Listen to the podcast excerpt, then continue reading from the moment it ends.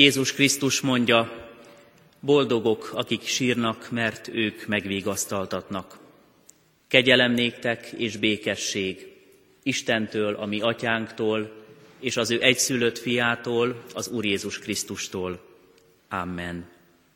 Jöjjön a mi további segítségünk is, attól az Istentől, aki mindent teremtett, fenntart és bölcsen igazgat. Amen. Kedves testvérek, valljuk most meg hitünket, mondjuk el közösen együtt egyházunk, egyetemes egyházunk hitvallását, az apostoli hitvallást.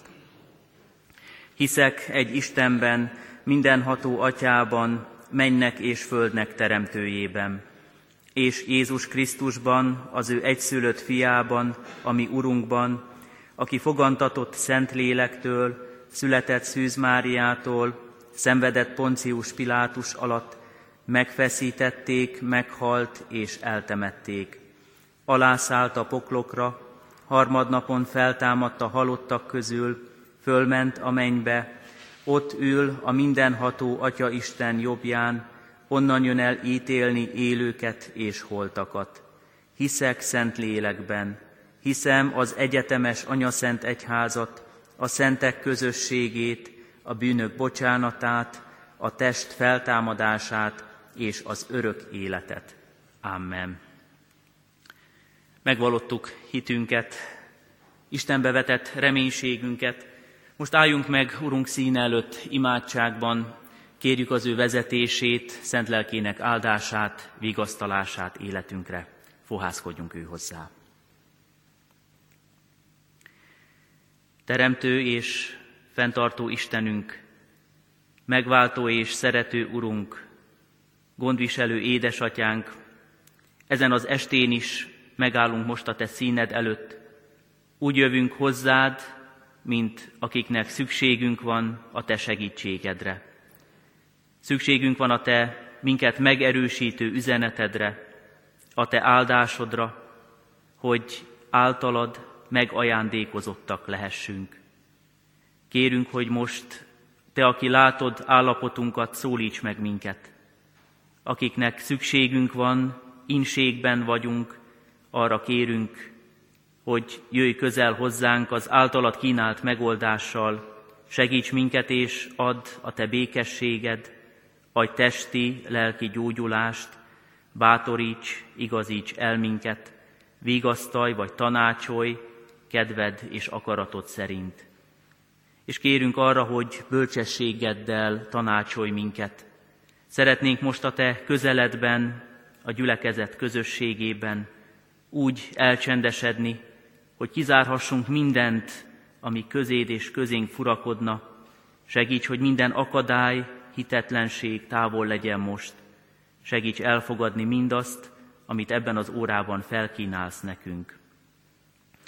Urunk, szívünk hálájával is fordulunk hozzád, köszönünk minden eddig tőled kapott jót, segítséget, áldást, a te szeretetednek bizonyítékát.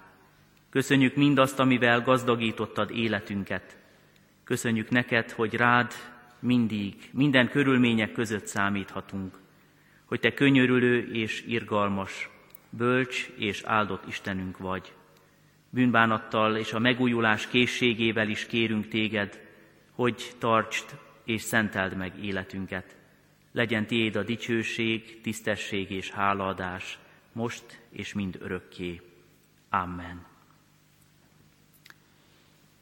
Kedves testvérek, Isten igéjét olvasom, református Biblia olvasó kalauzunk szerint a mai napra kijelölt ige szakaszból részben és a holnapi ige szakaszt is folytatólagosan ide idézve.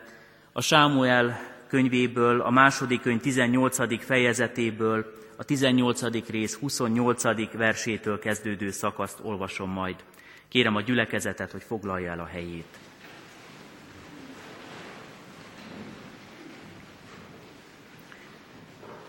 A nevezett helyen Isten igéje Sámuel második könyvében a 18. fejezetben, a 28. verstől kezdődő szakaszában így szólít meg minket. Ahimác ezt kiáltotta a királynak, békesség. Azután leborult a király elé arccal a földre, és ezt mondta. Áldott az Úr, a te Istened. Kezedbe adta azokat az embereket, akik kezet emeltek az én uramra, királyomra. De a király ezt kérdezte, épségbe van-e Absolon fiam? Ahimac így felelt, láttam egy nagy tömeget, de Joáb elküldte a király egyik szolgáját, meg a te szolgádat is, ezért nem tudom, mi történt. A király ezt mondta, eredj odébb, állj félre. Ő tehát odébb ment és félreállt. Közben megérkezett az etióp ember is, és így szólt. Jó hírt küldenek, uram, királyom. Igazságot szolgáltatott ma neked az Úr mind azokkal szemben, akik fölkeltek ellened. De a király ezt kérdezte az etióptól. Épségben van-e Absolon fiam? Az etióp így felelt. Úgy járjanak az én uram királyom ellenségei, és mind azok, akik a vesztedre törnek, mint az a fiú. A király megrendült, fölment a kapu fölött lévő helyiségbe, és sírt. És amíg ment, ezt mondogatta. Fiam Absolon, fiam, fiam Absolon. Bár csak én haltam volna meg helyetted, fiam, fiam Absolon.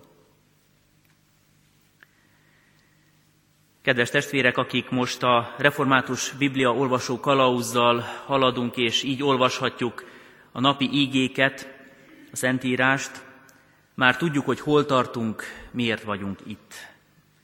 Háborús események közepébe csöppentek azok, akik most hallják ezt az igerészt először. Egy polgárháború kellős közepébe, és ott is egy nagy tragédiába, gyász eseménybe. A polgárháború oka az, hogy fellázadt az uralkodó fia a saját édesapja ellen. A herceg a saját édesapja ellen, a király ellen hadsereget toborzott, és rövid időre felül kerekedett rajta, de aztán egy másik ütközetben, egy döntő csatában elvesztette a csatát és az életét is. Ennek a részleteit hallottuk, amikor az édesapa a fiát megkérdezi a hírvivőket, a fiát, fiával kapcsolatosan, hogy éle, és azt hallja, azt kapja hírül, hogy már nem, meghalt, és gyászolja őt. Családi ellentétből országot érintő háború robbant ki. És aki így olvashatta fejezetről fejezetre a Szentírást, szinte érezte, hogy hogy sodródik egy tragikus konfrontációba, a kellős közepébe az olvasó is. Már lehetett sejteni az elején is, hogy ebből még nagy baj lesz mert ezt a háborút apa és fiú között előrevetítette, hogy az évek során sok-sok felhalmozott és ki nem mondott családi probléma, sok elhallgatott bűn, tisztázatlan és rendezetlen dolog kísérte. És itt az eredmény, a rendezetlen viszonyok miatt apa és fia úgy eltávolodott egymástól, hogy ellenségé váltak, magukkal rántva a háborúba az ország lakosságát is. És a szokásos vége lett ennek a történetnek veszteség, halál, gyász, könnyek. Több üzenetet is hordoz a számunkra a mai igénk. Elsősorban azt, hogy nem jó a tisztázatlan dolgokkal együtt élni, nem jó így sodródni az eseményekkel, nem jó hagyni, hogy maguk alá teperjenek, gyűrjenek minket a felszínre nem hozott bűnök, meg nem vallott dolgok.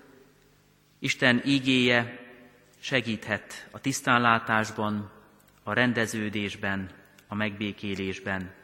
Segítséget kínál nekünk, hogy embervilágunk és önmagunk jobban megismerhessük, hogy Istent tisztában halljuk, értsük. Ma is ebben segíthet minket.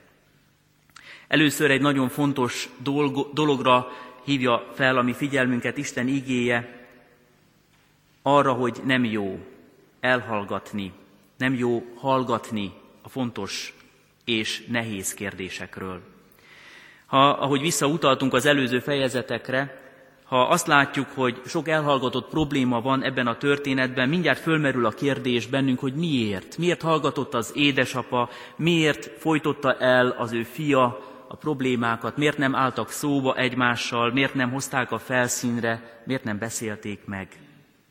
A titokban, a hallgatásban őrzött fájdalmak eredménye ilyen tragédiába torkollott. Absolon és Dávid, fiú és apa esetében az derül ki, hogy nem beszéltek meg dolgokat. Nem beszéltek egymással, vagy ha volt is köztük párbeszéd, az inkább elbeszélés lehetett egymás mellett.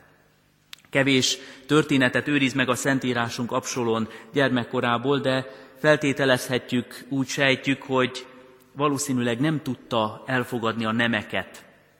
Nem nagyon érezte a határokat, nem nagyon voltak korlátok állítva az életében. Valamiért túl nagy szabadsága lehetett. Talán azért is, mert ugye hercegi sarj volt, könnyen jutott ahhoz, amit megkívánt.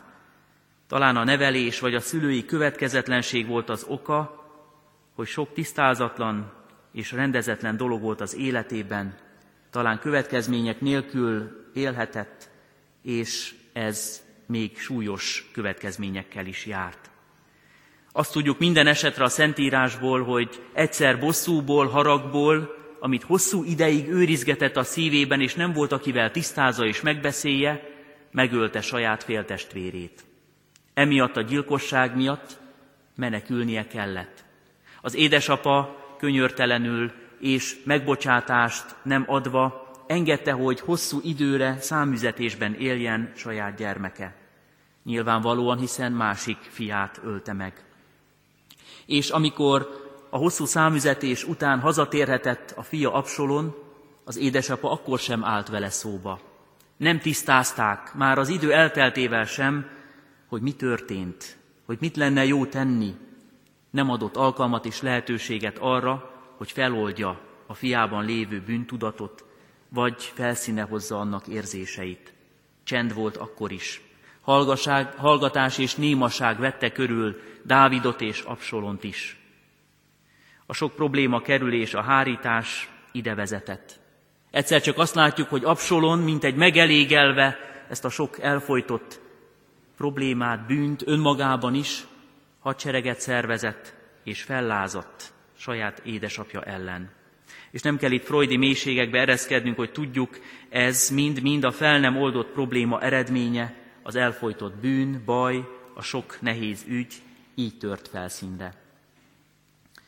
Tegnap egy nagyon szép élményem volt, és az egyik mottója annak az élményemnek, opera élményemnek kapcsolódik a mai igénkhez. Így kezdődött egy szintén háborús konfliktus ezzel az idézettel. Háborút indítani a legbiztosabb módja, ha menekülni akarunk saját magunk elől. Olyan szépen idevág és olyan jól megvilágítja, hogy az ember miért kezd sokszor fölösleges problémákba, háborúba, konfliktusokba, azért, mert valamit el akar folytani, mert valamit nagyon a mélyre akar nyomni a felszín alá, mert valamivel nagyon nem akar szembenézni. És ilyenkor, mint egy kicsit a probléma elől és önmaga elől is menekülve, kimenekül vagy előre menekül bele, akár egy nagyobb válságba, nagyobb problémába. Azt tanítja nekünk Isten az ő ígéjén keresztül, hogy beszélni kell. Ha mással nem merünk, ha mással nem tudunk, ha nincs meg a bizalmunk, ha félelmeink vannak embertársaink felé fordulni, akkor elsősorban és legalább az Isten felé forduljunk, mert ő nem hallgat. Ne meneküljünk bűneink, nyomorúságunk, nehézségeink, problémáink elől, hanem nézzünk szembe kicsit önmagunkkal, de mindenképpen az Úristennel, mert ő föl akar oldani, fel akar oldozni minket, mert ő megoldást kínál a válsághelyzetben is. Ő nem marad néma. Ebben a dialógusban azért javasolja és mondja a Szentírás, hogy az Istenhez kell fordulnunk, mert ő látja legteljesebben az egész világot, az emberi életet, a világ mindenséget. Ha csak az emberrel kezdünk konzultálni, lehet, hogy zsákutcába futunk. Önmagunknak is rossz tanácsadói lehetünk, vagy ha rossz tanácsadót keresünk, embertársunk, akár még barátunk is mondhat olyat, ami válságból válságba vezet. Íme most itt vagyunk szomszédos országként, átéljük és látjuk, hogy mit jelent, ha rossz tanácsot ad nekünk valaki. Nem csak ember és ember fordulhat szembe egymással, hanem nép a néppel, ország az országgal. A háború mindig veszteseket termel, mindig gyászsal, fájdalommal, könnyekkel jár együtt. De Istennel beszélgetve az ember fölismerheti korlátait, felismerheti rossz döntéseit, és felismerheti azt az utat, azt a helyes irányt, amit Isten szeretne neki mutatni. Mondhatjuk úgy, hogy Isten, mint tökéletes és bölcs vezetünk, tanácsadónk, segítünk, lelki gondozónk, a rendelkezésünkre áll arra, hogy a vele való közösségben, a tökéletessel való beszélgetésben megértsük, mi a jó és mi a helyes. Jézus, amikor a tanítványokkal volt, ezt látjuk az Új Szövetségben, a Szentírásban, mindig vonzotta magához azokat, akik sérült lelkű emberek voltak.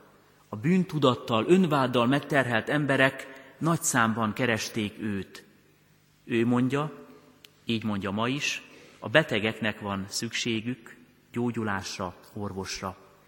Ezt a gyógyító közösséget kínálja föl Jézus mind a mai napig nekünk is. Hogy a vele való beszélgetésben, az ő aurájában, az ő közösségében, közelségében az ember gyógyulhasson. Az önváttól, bűneinktől megtisztulhasson. Helyes döntésekre juthasson. Hogy felszínre hozhassa azokat a mélyben lévő és el nem mondott vagy ki nem mondott problémákat, amelyek mérgezik őt. Mert az Istennel való őszinte beszélgetésben mindig ott van az igazság, a szeretet, az előrevívő eredmények. Ezért nem kell félni a keresztény embernek, akkor, hogyha Isten néven nevezi a hibáit, és azt mondja, hogy ezek mind bűnök, ezek rossz döntések, rossz gondolatok, ne engedj tért nekik. Dávid egy korábbi hibáját így fogalmazza meg, aki ismeri a 32. Zsoltárt, így kezdődik, boldog, akinek hűtlensége megbocsáttatott, vétke eltöröltetett. Boldog az az ember, akinek az Úr nem rója fel bűnét, és nincs lelkében álnokság.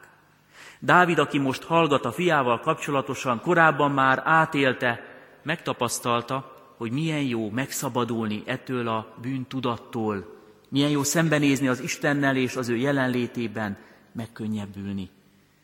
És utána hozzáteszi, ebben a 32. Zsoltárban olvassuk, hogy amíg hallgattam, kiszáradtak csontjaim. Egész nap jajgatnom kellett. És most azt látjuk, hogy ugyanez a Dávid sok évi hallgatás után egy nagy problémát, a fiával való rendezetlen kapcsolatát szinte tabuként kezeli, és át kell élnie, hogy kudarc és gyász lett az eredménye. Mert a gyász is megjelenik Dávid életében. Átélhette a veszteséget, a kudarcát, a félelmet, talán azt, hogy sok-sok rendezetlenség maradt ebben a halálban, ebben a gyászban, lezáratlan ügy, a fiával való kapcsolata, és abaként átélt kudarcai és mindaz, amit nem tudott megbeszélni, ott nyomasszák őt. Kedves testvérek, ima az ember összeroppanva, összetörve a Szentírásunkban, nagy káosszal, maga körül és önmagában. Eszembe jut egy beszélgetés, nemrég találkoztam valakivel, aki úgy ült le velem beszélgetni, hogy előtte azt mondta, sajnos most nagy káosz van bennem, gondolataimban, életemben.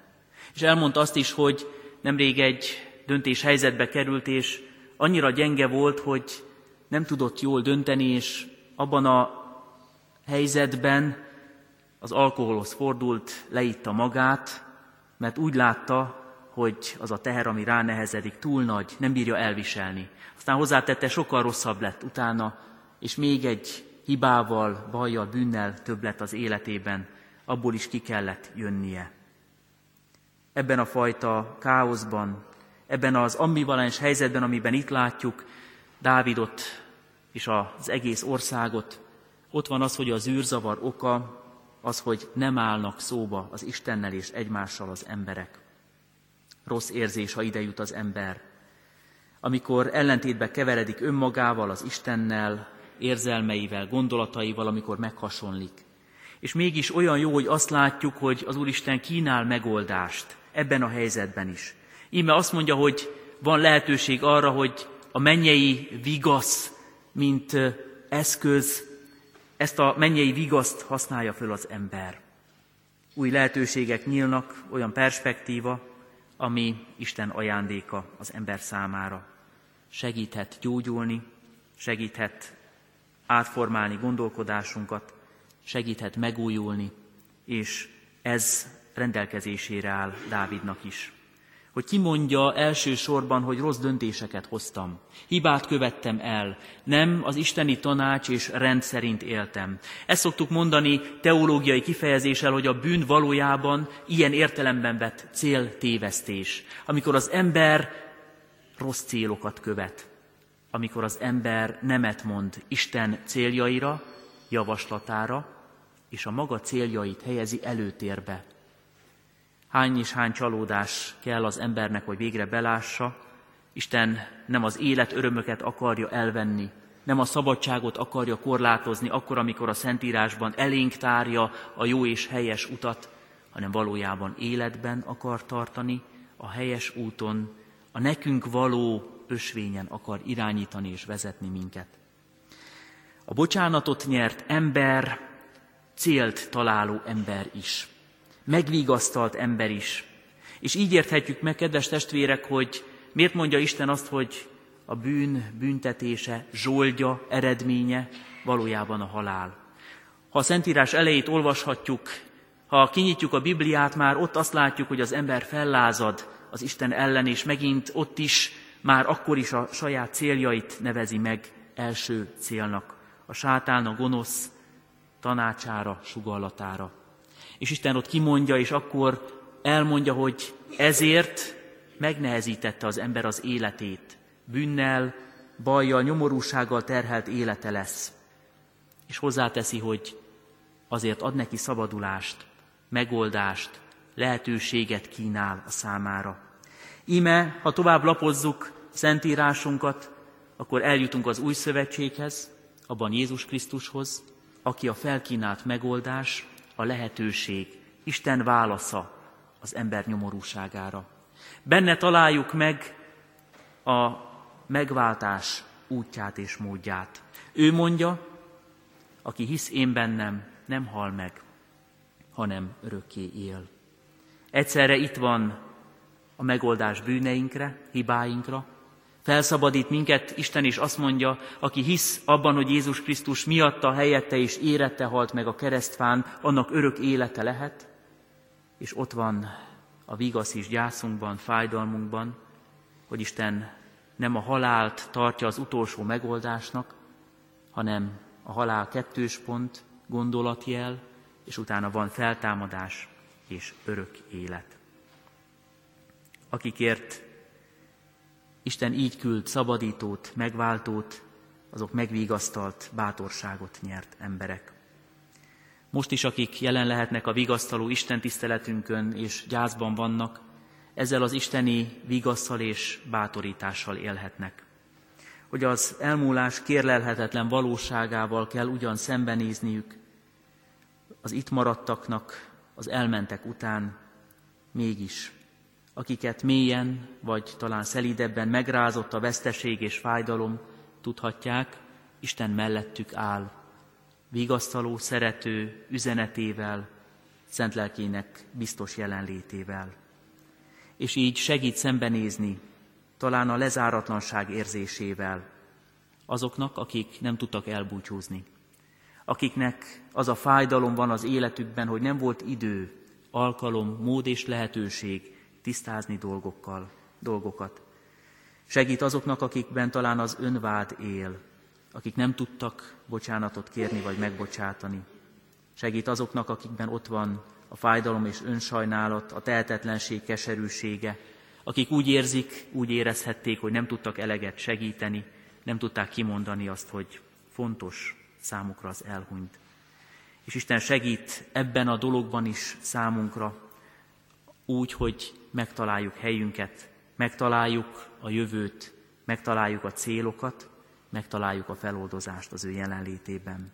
Mert ő itt van, erősen, hogy megerősíthessen, víróként, hogy kegyelmet hirdethessen, segít, hogy ami összezavart és veszteséggel terhelt életünkben rend legyen, hogy sérült életünk ne pusztuljon tovább. Így kérjük és hívjuk segítségül életünk minden helyzetében, ami Urunkat, megváltó Jézus Krisztusunkat. Amen. Kedves testvérek, most helyünkön maradva szólítsuk meg Istent imádságban, egy csendes percben, szólítsuk meg őt szívünk mélyén, halkan, csendben elmondott imádságunkkal, aztán majd közösen, hangosan is fohászkodunk. Csendesedjünk el, imádkozzunk.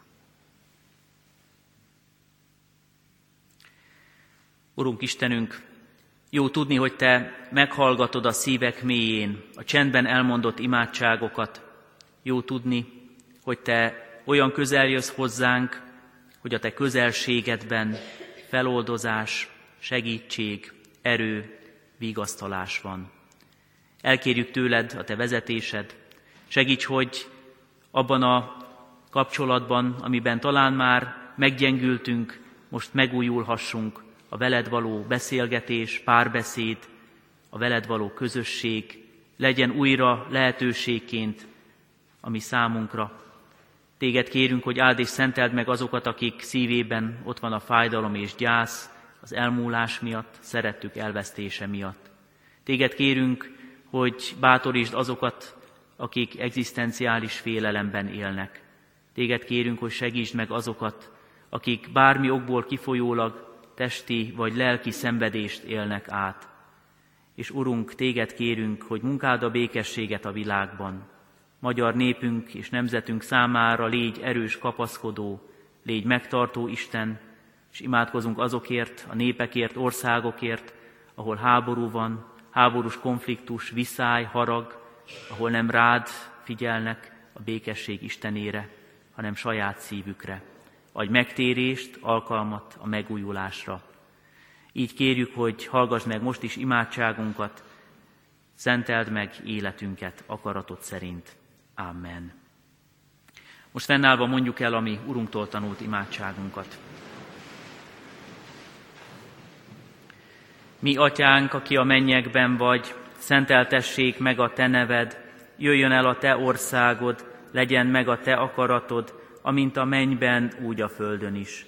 Mindennapi kenyerünket add meg nékünk ma, és bocsásd meg védkeinket, miképpen mi is megbocsátunk az ellenünk védkezőknek, és ne vigy minket kísértésbe, de szabadíts meg a gonosztól, mert Tiéd az ország, a hatalom és a dicsőség mind örökké.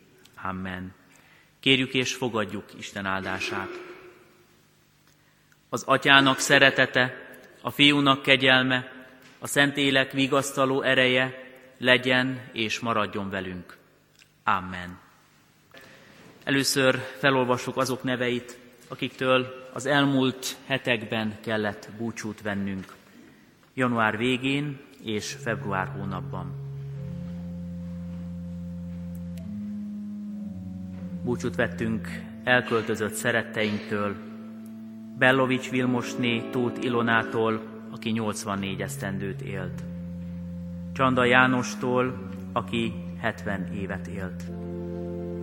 Héjas Istvánné Burda Máriától, aki 93 évet élt. Hickpán László Istvántól 64 évet élt. Horváth Sándorné Kovács Anna Katalintól, aki 56 évet élt. Kócsó Sándorné Kemencei Líviától, aki 93 évet élt. Koncsik István Andrástól 70 évet élt. Koroknai Ivántól 73 évet élt. Nagy Andrásné Burda Klárától 63 évet élt. Nagy Némolnár Erikától 43 esztendőt élt. Pap Jánostól 46 évet élt. Dr. Szabadi Endréné Páhán Edittől 79 esztendőt élt. Szabó Istvántól 49 évet élt. Táncos Benedekné Miskolci Lídiától 86 évet élt. Tatár Andrásné Kálmáncei Emmától 91 évet élt. Tóth Lászlóné Tóbi Erzsébettől 72 évet élt. Török Imréné Molnár Justinától 88 esztendőt élt. Turkevi Nagy Józseftől 91 évet élt. Vidaszűcs Lászlótól 83 évet élt. És emlékezünk Nagy Lászlóra, aki 29 éve hunyt el. Isten vigasztaló kegyelmét kívánjuk, kérjük a gyászolók életére. Jézus Krisztus mondja, én vagyok a feltámadás és az örök élet. Amen.